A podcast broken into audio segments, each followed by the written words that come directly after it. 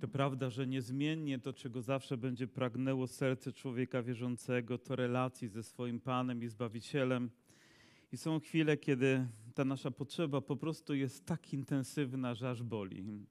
To pragnienie jest tak głębokie, że ciężko je wyrazić nawet słowami, ale zawsze, gdy modlimy się, gdy sięgamy do Bożego Słowa, to Bóg przychodzi z odpowiedzią. Ma dla nas właściwe słowo pocieszenia i wsparcia. I wierzę, że również będzie tak dzisiaj. Czytając Boże Słowo, nawet sam przeczytany fragment już będzie odpowiedzią dla kogoś z nas i chwała Mu za to.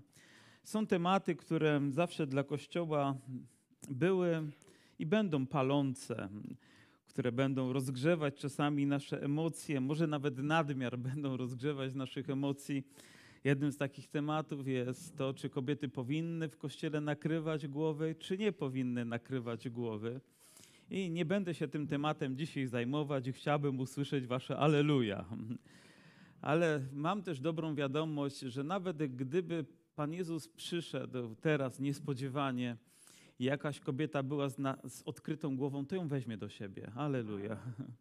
Dobry jest Pan. I drugim takim tematem na pewno są dary Ducha Świętego, które też wiemy, jak są ważne, jak są potrzebne i jak czasami są kontrowersyjnie odbierane przez różnych ludzi. Jest też ten temat, który powraca niezmiennie. I gdybyśmy nawet każde nabożeństwo poświęcili, to wciąż ważne jest, żeby go omawiać powtórne przyjście naszego Pana Jezusa. I nawet gdy o tym nie mówimy, to jest tak jak ta aplikacja, która działa w tyle, że w tyle działa to pragnienie, to oczekiwanie powtórnego przyjścia Chrystusa. I list do Tesaloniczan z pewnością dotyka tego tematu bardzo głęboko i nawet Paweł uznał, że będzie trzeba jeszcze raz napisać do Tesaloniczan, aby wyjaśnić, bo niektóre jego zwroty zostały źle zinterpretowane, źle zrozumiane, że ludzie zaczęli żyć nie tak, jak on miał w intencji, pisząc ten list, żeby, żeby rzeczywiście je prowadzili. Więc, by ustrzec się tych wszystkich niedomówień, mamy okazję zatrzymać się nad tym słowem i sięgnąć do niego nieco więcej. Co kilkanaście wierszy niemalże ten zwrot bezpośredni, poświęcony powtórnemu przyjściu Jezusa pojawia się tutaj. I oto w trzecim rozdziale, w wierszu trzynastym przeskoczymy na koniec, a później będziemy od początku analizować.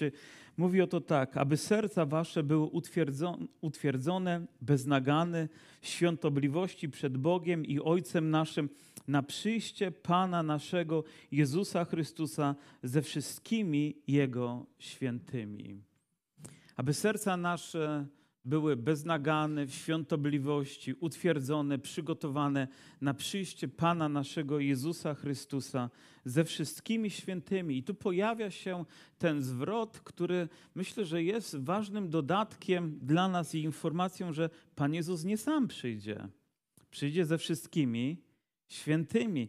I tu znowu rodzi się pewien znak zapytania, na który będziemy, studiując pierwszy list do Tesaloniczan i drugi list do Tesaloniczan, odpowiadać sobie i coraz częściej i częściej będziemy mówić o tych bardzo konkretnych rzeczach związanych z Jego przyjściem, ale dzisiaj chciałbym, żeby utkwiło Wam, że przyjdzie ze wszystkimi swoimi świętymi, z aniołami, serafami, cherubinami, czy po prostu ze swoim ludem, który już odszedł stąd i został zabrany, zabrany do Pana i razem z nimi, ale wiemy, że tak będzie.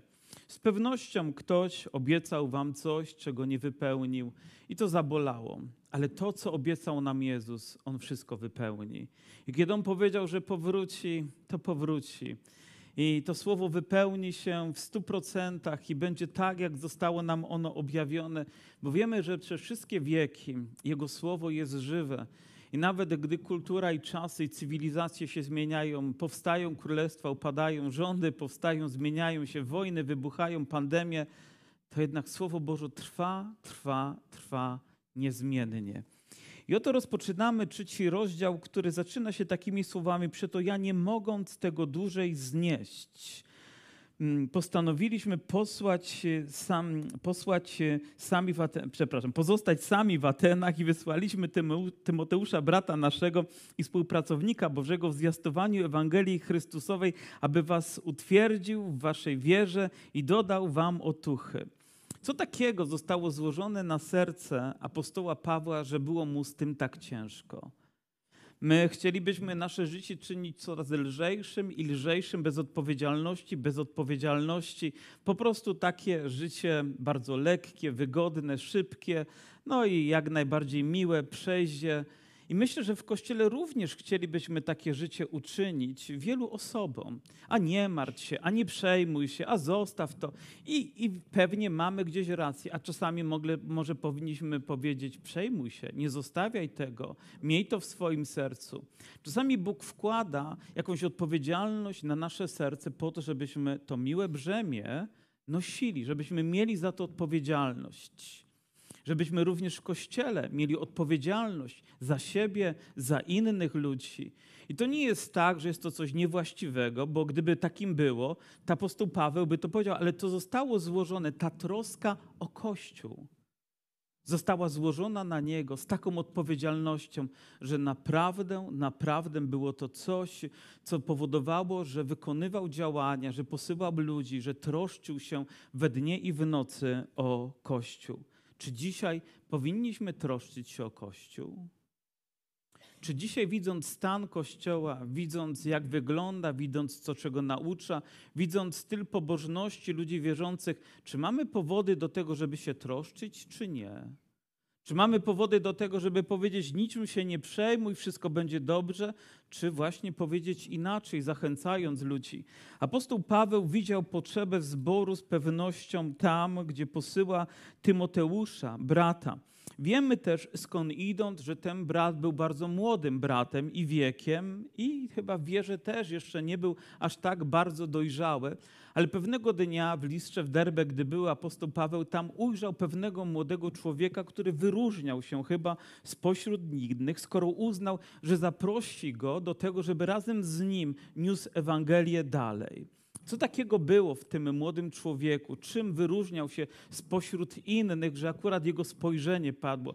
Czasami może być tak, że Bóg wkłada w nasze serce przekonanie, że to ta osoba, czy ta osoba, czy ta osoba jest powołana, więc podchodzimy, wypowiadamy słowa, a czasami obserwując kogoś, widząc jego zaangażowanie, widząc jego poświęcenie, widząc jego trud, możemy powiedzieć, to jest ta osoba. Widać, że jest w niej coś więcej. Gdy się modli, gdy uwielbia, uwielbia Boga, gdy przychodzi na nabożeństwa, gdy uczestniczy w spotkaniach, daje z siebie całe serce, a więc coś wyróżniało tego człowieka, skoro apostoł Paweł też uznał, że będzie jednym z jego najbliższych współpracowników. Rokował to.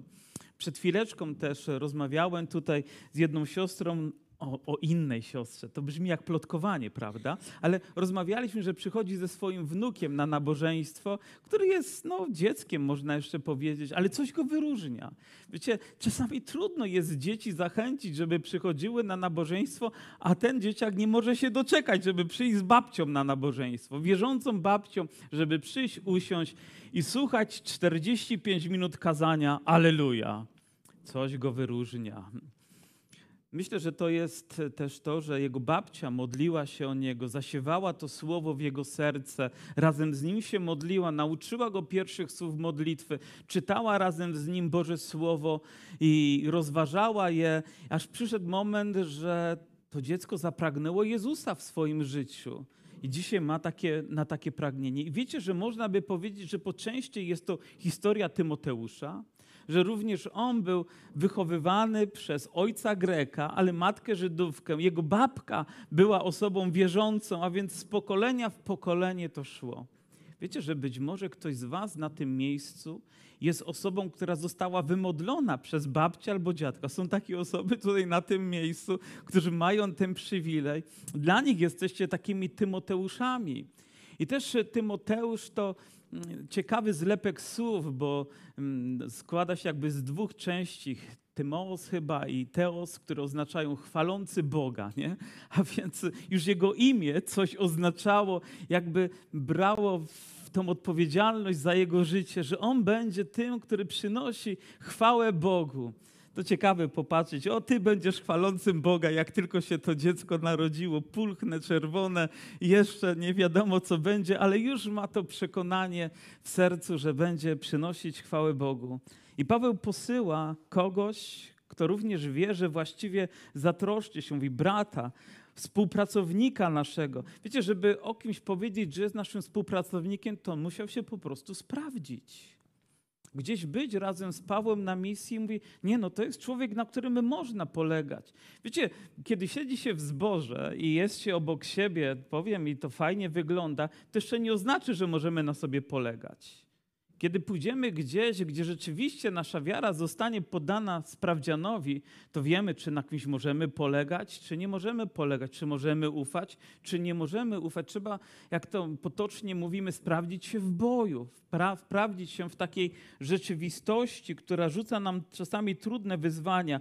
mówi, w zwiastowaniu Ewangelii Chrystusowej i nieodłączną częścią misji jest po prostu mówić o Chrystusie, mówić o Jego dziele, mówić o tym, kim był, tym, czego dokonał, tym, że zmartwychwstał, tym, że, że żyje i ma wszelką moc i mówi, aby was utwierdził waszej wierze. A więc wiara nie jest tylko jakimś pojęciem enigmatycznym, ale jest czymś, co powinno być pewne i niezmienne, odnoszące się do Jezusa. Raz jestem bardziej wierzący, raz mniej wierzący. Raz lepiej mi się wierzy, raz gorzej mi się wierzy. A więc może Twoja wiara potrzebuje utwierdzenia, bo człowiek utwierdzony w wierze, jak ja to rozumiem, będzie naprawdę wewnątrz wciąż nosił to niezmienne, świadome przekonanie, kim jest dla niego Jezus i że On jest obecny w jego życiu i dodał wam otuchy. Być może my również powinniśmy naszą misję wykonywać w ten sposób, by utwierdzać ludzi w wierze i dodawać im otuchy, dodawać otuchy. Ktoś z was dzisiaj tego potrzebuje. To nie znaczy, że tylko chodzi o to, żeby was pogłaskać. Czasami apostoł Paweł poprzez to rozumiem też, że wypowiada słowa, które rzucają nam wyzwanie, dotykają nas, ale podnoszą nas na duchu, podrywają nas, abyśmy mogli pójść za Panem Jezusem. A więc utwierdzony wierze, wierze i, i taki wsparty w duchu, abyśmy mogli dalej iść. I o tym, na tym zależało Pawłowi, by ta rzecz była wykonywana w Kościele, żeby się nikt nie chwiał w tych uciskach. Sami bowiem wiecie, że takie jest nasze przeznaczenie. I tutaj mamy pewną zagadkę. Czy Paweł mówi o sobie, o tym, co dzieje się w jego życiu, czy mówi też o tym, co dzieje się w życiu w zborze, utożsamiając się z nimi. Myślę, że jedna i druga rzecz może być prawdziwa, bo wszyscy przechodzimy przez trudności i doświadczenia, ale gdy one się pojawiają, nie powinniśmy się zachwiać w wierze. Gdy cały świat się wali, to nasza wiara powinna być w pionie. Powinniśmy być pełni zaufania i oddania naszemu Panu bez względu na okoliczności. I gdy słucham kogoś, kto tak łatwo się tłumaczy, albo tam, albo tak się wydarzyło, albo taka okoliczność, jakby cały czas ktoś szukał usprawiedliwienia tylko dlatego, że nie zachował się jak człowiek wierzący, a wie, że tak powinien się zachować i zawsze znajdzie jakąś wymówkę. Jakoś apostoł Paweł tej wymówki nie szuka, ale mówi, gdy przyjdą te chwile, ja chcę chcę, żebyście jako Kościół stali mocno w wierze. Nawet gdy usłyszycie, że u nas źle się dzieje, a ja wiem, że tak będzie, bo o tym też mówi w dziejach apostolskich, że gdziekolwiek się pojawi, to wie, że czekają go uciski i doświadczenia. Moje siostry, moi bracia, im bliżej będziemy przyjścia Pana, tym więcej będziemy takich rzeczy doświadczać tym więcej różnych rzeczy będzie nas dotykać. Być może będzie próbował wkradać się liberalizm, konformizm albo inne rzeczy związane ze zwiedzeniem. Powiem, ale my powinniśmy stać mocno w wierze. Usłyszymy wieści wojenne, przyjdą choroby, przyjdą tragedie, ale powinniśmy niezmiennie stać w wierze. To nie znaczy, że emocjonalnie nie będziemy dotknięci, ale wiara nie pozwoli nam, byśmy się przewrócili, byśmy się poddali, ale dalej będziemy kroczyć za naszym Panem. Aleluja! A więc potrzebujemy być utwierdzeni, może dzisiaj bardziej niż kiedykolwiek wcześniej. Może dzisiaj te słowa mają szczególne znaczenie dla nas. A mi wiecie, że takie jest nasze przeznaczenie? Że właśnie w tym będziemy również uczestniczyć? I nawet w innym miejscu Paweł mówi, że będziemy poczytywać to sobie za pewien przywilej, gdy przez te rzeczy będziemy przechodzić. Ale tak już jest, że gdy słyszymy kogoś, często gdzieś w Chinach ludzie wierzący byli prześladowani. Wcześniej wiemy, że w Rosji też były osoby wierzące, które były zsyłane do łagrów i były prześladowane z powodu wiary, wtrącone do więzień, niektórzy nawet zabijani, ale gdy wychodzili, gdy przychodzili przez to i wiara ich była niezmienna i gdy stawali później w zborze i składali świadectwo, byli autorytetem. Dlaczego? Bo nie zachwiali się w swojej wierze, zwłaszcza wtedy, gdy było tak trudno. Mówi, albowiem, gdy byliśmy u Was, przepowiadaliśmy Wam, że będziemy uciskani, co też się stało, jak wiecie. A więc znowu pojawia się to przepowiadanie tego, że tak będzie. Czy chodzi o to, że Paweł prorokował do nich, że nadejdą trudne czasy, czy posługując się fragmentami Bożego Słowa, przypominał im, że takie rzeczy będą miały miejsce. Ale fakt jest taki, że Kościół był na to przygotowany. Nawet gdy dzisiaj powiem, słyszycie te słowa, i nawet gdy za chwilę zapukają do waszych drzwi doświadczenia, to nie możecie powiedzieć, że nie wiedzieliśmy. Dlaczego? Bo słyszycie dzisiaj, bo czytacie to w Bożym Słowie. A więc to już powinno przygotowywać nas na to, że gdy taka rzecz się pojawi, to nie jestem rozbitkiem, ale stoję mocno, wierzę w Pana Jezusa i dochowuję mu wierności. I może fanfar nie będzie, splendoru nie będzie, ale wiara pozostanie niezmienna. Okoliczności życia się zmienią, może standard nieco się obniży, ale znowu zalśni, będzie lśnić nasza wiara ze względu na ten blask Chrystusa, który będzie wypełniał nas. Chwała Bogu za to, że to słowo wciąż ma znaczenie i dzisiaj Bóg mówi do Kościoła: będziemy uciskani, to się stanie, to się stawało, to będzie pewnie, ale Chrystus niezmiennie będzie mocą w naszym życiu i będzie nas prowadzić. I gdy czasami modlimy się, by nasze życie było lżejsze, to ja nie wiem, czy zawsze taka modlitwa jest tą właściwą modlitwą. Może nasze, nasza modlitwa powinna być: Boże, chcę mocno chodzić w wierze. Chcę być Tobie wierny, chcę być Tobie oddany, chcę być razem z Tobą. Dlatego ja, nie, mogę tego, nie mogąc tego dłużej znieść, wysłałem Go, aby się dowiedzieć o wierze Waszej, czy aby czasem nie zjadł Was kusiciel. Jego rolą niezmiennie mówi, a praca nasza nie poszła na marne. Obawa ta, widać, towarzyszyła nawet komuś takiemu jak Paweł, że siał, że pielęgnował te ziarna, że podlewał je w sercach ludzi w znaczeniu, że zwiastował im słowo i zachęcał ich. Oczywiście Duch Święty wykonywał więcej roboty niż on, ale gdy on się oddalił, to przychodzi ktoś, kto próbuje to wszystko wykraść i zniszczyć. I to niebezpieczeństwo wciąż kontekście przyjścia Pana Jezusa ze wszystkimi świętymi jest ogromnym niebezpieczeństwem również i dzisiaj.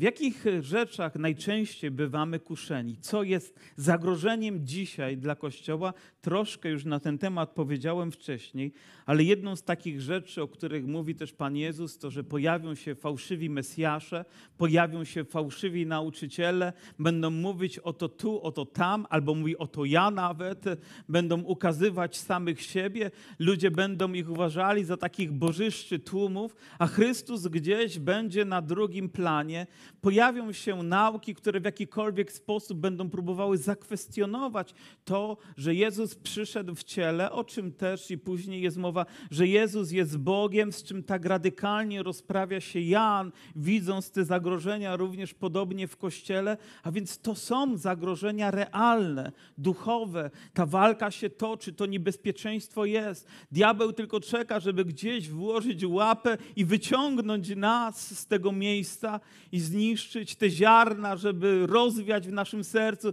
żeby przyleciało to dzikie ptactwo i wydziobało je?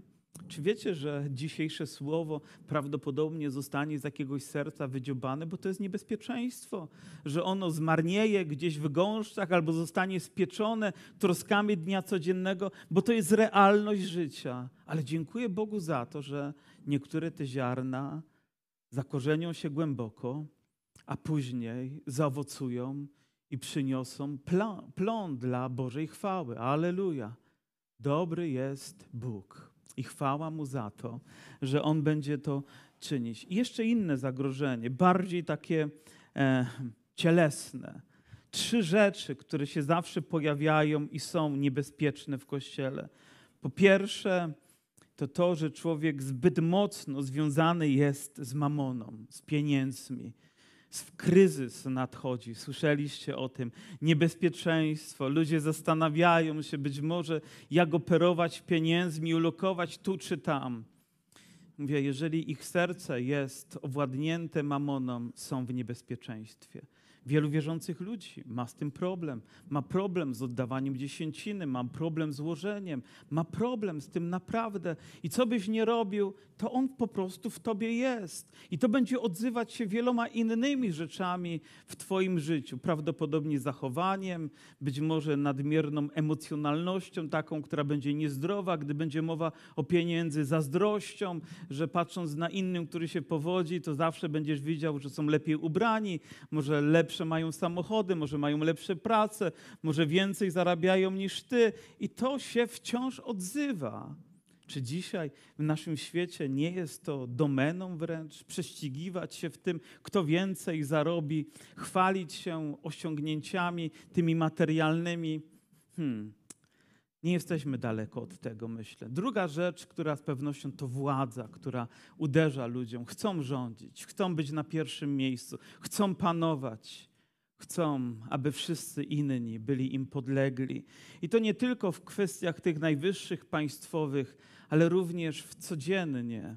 Myślę, że gdzieś to uzurpowanie sobie prawa do tego w sercu człowieka się odzywa i mają z tym problem. A trzecia, chyba najbardziej niebezpieczna rzecz, i dzisiaj tak również boleśnie odzywająca się, to moralność ludzi, to seksualność ludzi, która jest niezdrowo wyrażana. Bo seksualność jako taka jest pięknym darem, który Bóg nam dał i On chce, żebyśmy mogli się tym darem cieszyć, ale wyznaczył pewne granice, których my nie powinniśmy przekraczać. A dzisiaj, ze względu na łatwość dostępu do internetu, do filmów e, erotycznych, pornograficznych, ta granica jest wciąż, wciąż przekraczana i niestety również w życiu ludzi ludzi wierzących. I wydawałoby się, że jest to tylko kwestia mężczyzn, że to oni mają ten problem, ponieważ są wzrokowcami, ponieważ porządliwość gdzieś dostaje się przez ten zmysł do ich serca. Ale prawda jest też taka, że kobiety tak samo na równi jak i mężczyźni mają z tym ogromny, ogromny problem. Więc gdy mówię o tym, dotykam nas wszystkich. Wszyscy jesteśmy w tym samym niebezpieczeństwie. Być może jeszcze 50 lat temu w zborze, gdy była mowa o rozwodach, to była mowa o jakichś sporadycznych, naprawdę katastrofalnych przypadkach, a dzisiaj staje się czymś niemalże naturalnym. Dzisiaj powtórne, drugie, trzecie małżeństwo, ludzie wchodzą bezkrytycznie, jakby w ogóle nie było to problemem. Ale jest problemem i nigdy nie przestanie być problemem, ponieważ jest to wbrew nauce Pana Jezusa. A im bliżej będziemy, tym więcej takich katastrofalnych rzeczy niestety będziemy, będziemy widzieć. Życie też po prostu bez małżeństwa staje się czymś normalnym w społeczeństwie i mało tego, powinno być to uznane przez społeczeństwo, bo skoro staje się normą, to wszyscy inni powinni zaakceptować ale my nie żyjemy według norm tego świata, tylko według Bożego Królestwa. I Paweł chciał być pewien, że Kościół również w Koryncie przygotowuje się, żyjąc, jak na końcu mówi, w świątobliwości, co też rozumiem w poddaniu Bożemu Słowu, w czystości swojego serca, aby kusiciel was nie zwiódł, bo on tak łatwo przychodzi i odciąga nas. Nie ma tutaj osoby, która nie musiałaby na jednym z tych, a czasami na dwóch, a czasami na trzech płaszczyznach toczyć walkę. I to niezmiennie zapierając się samego siebie, aby serca nasze nie zostało władnięte, a praca nie poszła na marne. Niektórzy mówią, ale skoro raz Bóg coś zrobił, to już na pewno będzie to trwało w nas i nie musimy się niczym przejmować. To dlaczego Paweł się tak przejmował? skoro my nie musimy się przejmować? Jesteśmy lepsi? Mamy więcej, nie wiem, łaski niż on miał od Boga w tym względzie?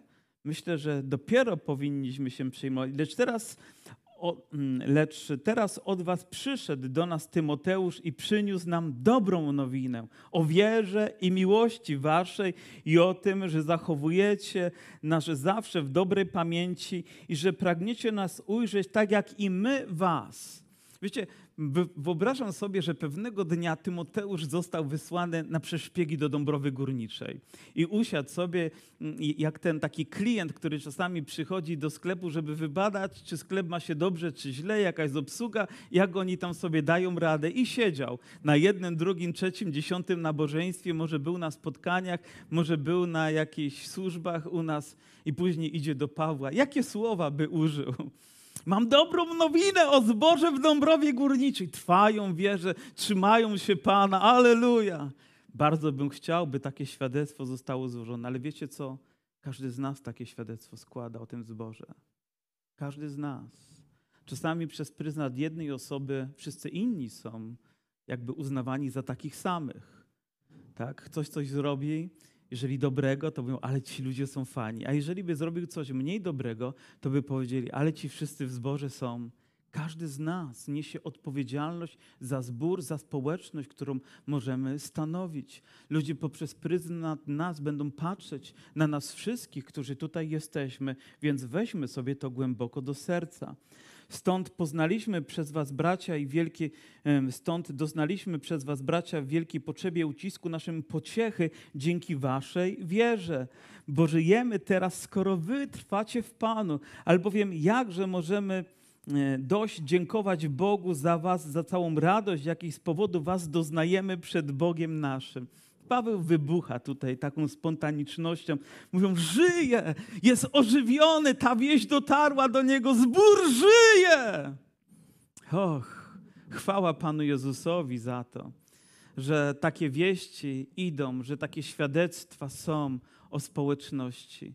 Jakże wrażliwy musiał być to człowiek, skoro tak mu zależało. Nie mówię, a niech robią co chcą. Ja zrobiłem już swoje, a teraz niech oni się martwią ale on jest jak ojciec, on jest jak duszpasterz. On nie pozostawia dzieci, mówi, a teraz róbcie co chcecie, to wasza odpowiedzialność. Moja siostro, mój bracie, jeżeli tak myślisz o innych, to może warto zmienić swój sposób myślenia.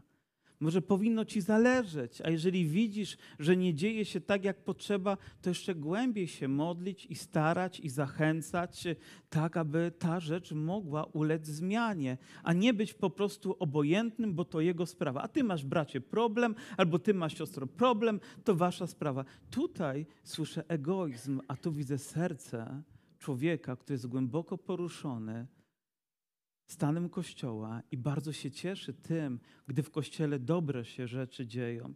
Większość z nas niestety może mieć tą tendencję, że cieszy się wtedy, kiedy komuś jest gorzej, a nie lepiej. A powinno być odwrotnie. Powinniśmy cieszyć się tym, gdy kościoły się rozwijają, gdy rosną, gdy przybywa ludzi zbawionych, Niedawno miałem okazję być na spotkaniu zaproszonym przez misję Billy Grahama, którą on rozpoczął. Teraz jego syn Frankim prowadzi. Chcą zrobić dużą ewangelizację też e, w, w Krakowie na kilkanaście tysięcy osób z ewangelicznie wierzącymi pastorami, ze zborami. I my jako zbór zostaliśmy zaproszeni do takiego wydarzenia. Nie wiem, czy wszyscy będziemy mogli pojechać, a najlepiej, gdyby tam, nie wiem, tysiąc osób z Dąbrowy i z okolicy mogło pojechać i usłyszeć Ewangelię, ale też mogłem podzielić się tym, że niedawno mieliśmy też chrzest, że ochrzciliśmy 14 osób. I wiecie, gdy usłyszał ten brat, który przyjechał, aby nas zachęcać, od razu powiedział, Halleluja! Ja mówię, to jest właściwa reakcja człowieka wierzącego na dobre rzeczy, które dzieją się w Bożym Królestwie. A gdy widziałem film, gdzie tysiące czy setki ludzi wychodziły też do przodu i modliły się ze łzami, to ja krzyczałem w sercu, Halleluja Boże, za to, że mogę oglądać tak poruszające obrazy, gdy widzę, jak ludzie przychodzą do Ciebie i oddają Tobie swoje życie. Jakie jest moje serce? Może moja reakcja na to, co się dzieje w Kościele, jest tego świadectwem. We dnie i w nocy modlimy się bardzo gorliwie o to, aby nam dane było oglądać Wasze oblicze i dopełnić tego, czego brak w Waszej wierze. A więc zawsze jest brak. Zawsze jest coś, co w naszej wierze może być podniesione jeszcze wyżej, jeszcze lepiej. Zawsze. Człowiek wierzący, nawet gdyby 100 lat kroczył za Chrystusem, to może powiedzieć: Panie, o teraz dopiero się uczę Twojej drogi. Doszedłem znowu do jakiegoś momentu i potrzebuję jeszcze lepiej tę prawdę zrozumieć, żeby jeszcze lepiej ją odzwierciedlić w moim życiu, byś Ty miał jeszcze większą chwałę. A więc jest to nieustający proces. Ale czasami są takie kluczowe rzeczy, które potrzebują upgrade'u w naszym życiu, dojścia do tego, czego Bóg chce. Pamiętacie, w dziejach apostolskich też był.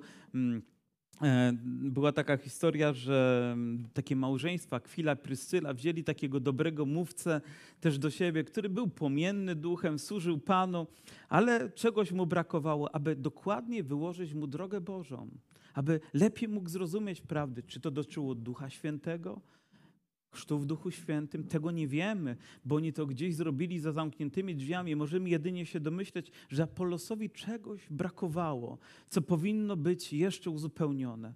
Wiecie, wciąż mamy braki. Wciąż potrzebujemy kolejnego nabożeństwa, potrzebujemy kolejnego rozdziału w Biblii, potrzebujemy nauczyć się kolejnego wiersza na pamięć. Wciąż potrzebujemy na nowo tę prawdę przerobić w nas. Jeżeli ktoś mówi, że już wszystko wie, no to nie przyjdzie na kolejne nabożeństwo. A sam Bóg, Ojciec nasz i Pan nasz Jezus Chrystus, niechaj toruje naszą drogę do Was. Co za słowa pokory. Apostoł Paweł mówi, niech sam Pan toruje drogę do Was. Jakby za każdym razem ten człowiek zdawał się na to, co będzie Bożym kierownictwem i tym, który będzie kierował jego życiem. Nie mówi, o wiecie, mam plan i go zrealizuję. Tutaj podjęliśmy na naszym spotkaniu taką decyzję i ona będzie miała miejsce. Ale, ale wszystko, co, czy, co jest w jego życiu, jest poddane Bożej woli. I nawet gdy jeszcze bardziej był ograniczony przez te okoliczności zewnętrzne, bo był w więzieniu, był zdany na innych ludzi, tym bardziej polegał na Bogu. On nawet nie mógł zadecydować, gdzie będzie, ale on wiedział, że gdziekolwiek będzie, to właśnie Pan go będzie prowadził i tam będzie przez niego użyty. Te ludzkie możliwości się skurczyły po to, by tylko jedna ścieżka mogła prowadzić Boża droga, Jego kierownictwo, Jego chwała, by, nam, by Jemu i nam mogła towarzyszyć. Jakub mówi, wielu ludzi mówi, oto pójdziemy tam, zrobimy to, będziemy tutaj pracować, tam ciągnąć zyski, jeszcze inne rzeczy. I nie twierdzę, że planowanie nie jest złe, ale w końcu mówi, ale czy nie powinniśmy mówić, jeżeli Pan pozwoli, to pójdziemy i zrobimy. Jeśli Pan pozwoli, dożyjemy kolejnego dnia. Jeśli Pan pozwoli, to coś zdarzy się w naszym życiu. Ale to wszystko od Niego. W życiu człowieka wierzącego powinno zależeć. Każdą rzecz, którą masz, przedkładaj Bogu. Nie pozostawiaj sobie. Nawet gdy wydaje ci się ona tak, tak niewielka, to może mieć tak fundamentalne znaczenie dla Twojego duchowego, duchowego życia. To On wie lepiej, jak poprowadzić nas przez mapy tego świata, niż Google, gdy nas prowadzi swoimi mapami, żeby doprowadzić gdzieś na samochód do celu, omijając rzeczy niektóre, a niektórymi się po prostu mierząc. Was zaś niech Pan napełni obficie miłością do siebie nawzajem i do wszystkich, miłością, jaką my dla Was żywimy. Bóg jest dawcą miłości, a nasze naczynia potrzebują Jego pełni. Potrzebujemy jej doświadczać osobiście i potrzebujemy ją okazywać sobie nawzajem. Niech Pan napełni Kościół w Dąbrowie, aby ta miłość przelewała się na nas nawzajem. Wiecie, miłość to nie oznacza takie tolerowanie wszystkiego. Może być czasami radykalna, ale okazywanie troski, tego, że zależy nam, tego, że wspieramy się w naszych potrzebach, tego, że okazujemy to, nawet jeżeli jest trudno. Bóg wzywa nas, abyśmy w czasach, gdy jest deficyt miłości, nasze naczynia były pełne. Ostatnio widziałem taki film też, gdy byłem w Wiśle, tam u naszych uchodźców, których zostawiliśmy pod, tam w tym domku, opiekujemy się nimi. Ja tam raz w tygodniu staram się być, żeby mieć z nimi społeczność, żeby rozmawiać, zachęcać ich, bo wiemy, że człowiek nie potrzebuje tylko dachu nad głową, nie potrzebuje tylko miski jedzenia, ale potrzebuje czegoś więcej. Puścili mi też film ze swojej krainy tam, z Ukrainy, ze zboru. I to jest niewielki zborek, tam nie wiem, kilkanaście, kilkadziesiąt osób. A teraz ustawiają się tam kolejki, po kilkaset osób przychodzi po żywność, po dary. Zobaczcie, jak potrzebny jest Kościół. Być może wcześniej ci sami ludzie wielkim łukiem omijali, ale teraz oni z miłością dzielą się tymi ludźmi, tym, co sami otrzymali. Pan napełnia też y, ten zbór tymi darami, żeby tam napływały, żeby mogli się dzielić inni wierzący ludzie. Wiecie, bo tak działa też miłość. Ona jest okazywana w potrzebach, ona jest ulokowana w życiu innych. Oni mogą powiedzieć, że dzięki Bogu mogli to otrzymać, że to Jego miłość sprawiła że mogli to właśnie zjeść wieczorem, że mogli się obudzić rano, a ich chlebak nie był pusty, bo Bóg o to się zatroszczył. A więc mamy wspaniałe dzieło do wykonania. Każdy z nas tej miłości potrzebuje. Każdy z nas potrzebuje okazywać ją innym osobom, które są na tym miejscu. Mówi, aby serca wasze były utwierdzone bez nagany. W świątobliwości ja wiem, że takie słowa są wręcz staromodne, ale odnoszą się naprawdę do naszego takiego realnego życia z Bogiem. Nie wiem, czy modliliście się w tym tygodniu. Panie, chciałbym być świątobliwy. To brzmi tak, wyobrażam sobie, jakby nastolatek w szkole powiedział na lekcji, chciałbym być świątobliwy, jakby klasa zareagowała. I być może, gdy ty w, w pracy byś powiedział wśród kolegów, że chciałbyś być świątobliwym, powiedział, no zwariował chłop. Ale wiecie o czym mówię? Wiecie o jakiej postawie serca mówię przed Bogiem? Coś, co naprawdę ma dla Boga i dla nas znaczenie. Przed Bogiem i Ojcem naszym, na przyjście Pana naszego Jezusa Chrystusa ze wszystkimi Jego świętymi. Nawet nie wiem, czy zauważyliście, że przed Ojcem, na przyjście Pana naszego, a wcześniej, gdy Paweł mówi, że Bóg Ojciec nasz i Pan Jezus nasz Chrystus niech toruje, to nie jest tam liczba mnoga, że oni torują, tylko On toruje. On toruje, bo Ojciec i Syn stanowią cudowną jedność, stanowią nierozłączność, trójjedyność, która dla nas jest tą świętą, cudowną tajemnicą, którą wiarą przyjmujemy. I pewnego dnia nasz Pan ze wszystkimi świętymi przyjdzie i chce nas zastać nienagannymi w świątobliwości, utrwalonymi w wierze. I to możemy osiągnąć tylko przez Słowo, przez wierność temu Słowu, przez modlitwę, przez to, że pozwolimy, aby to Duch Święty nas prowadził, torował nam drogę. Wiecie, torować też drogę to oznacza, że pokonywać przeszkody. To tak jakby przez zaspy się przebijać, jak ktoś wcześniej jedzie i nam toruje drogę. Pan przez to przeszedł, abyśmy my tą drogą mogli pójść i przynosić Mu chwałę. Amen? Niech nas Pan błogosławi.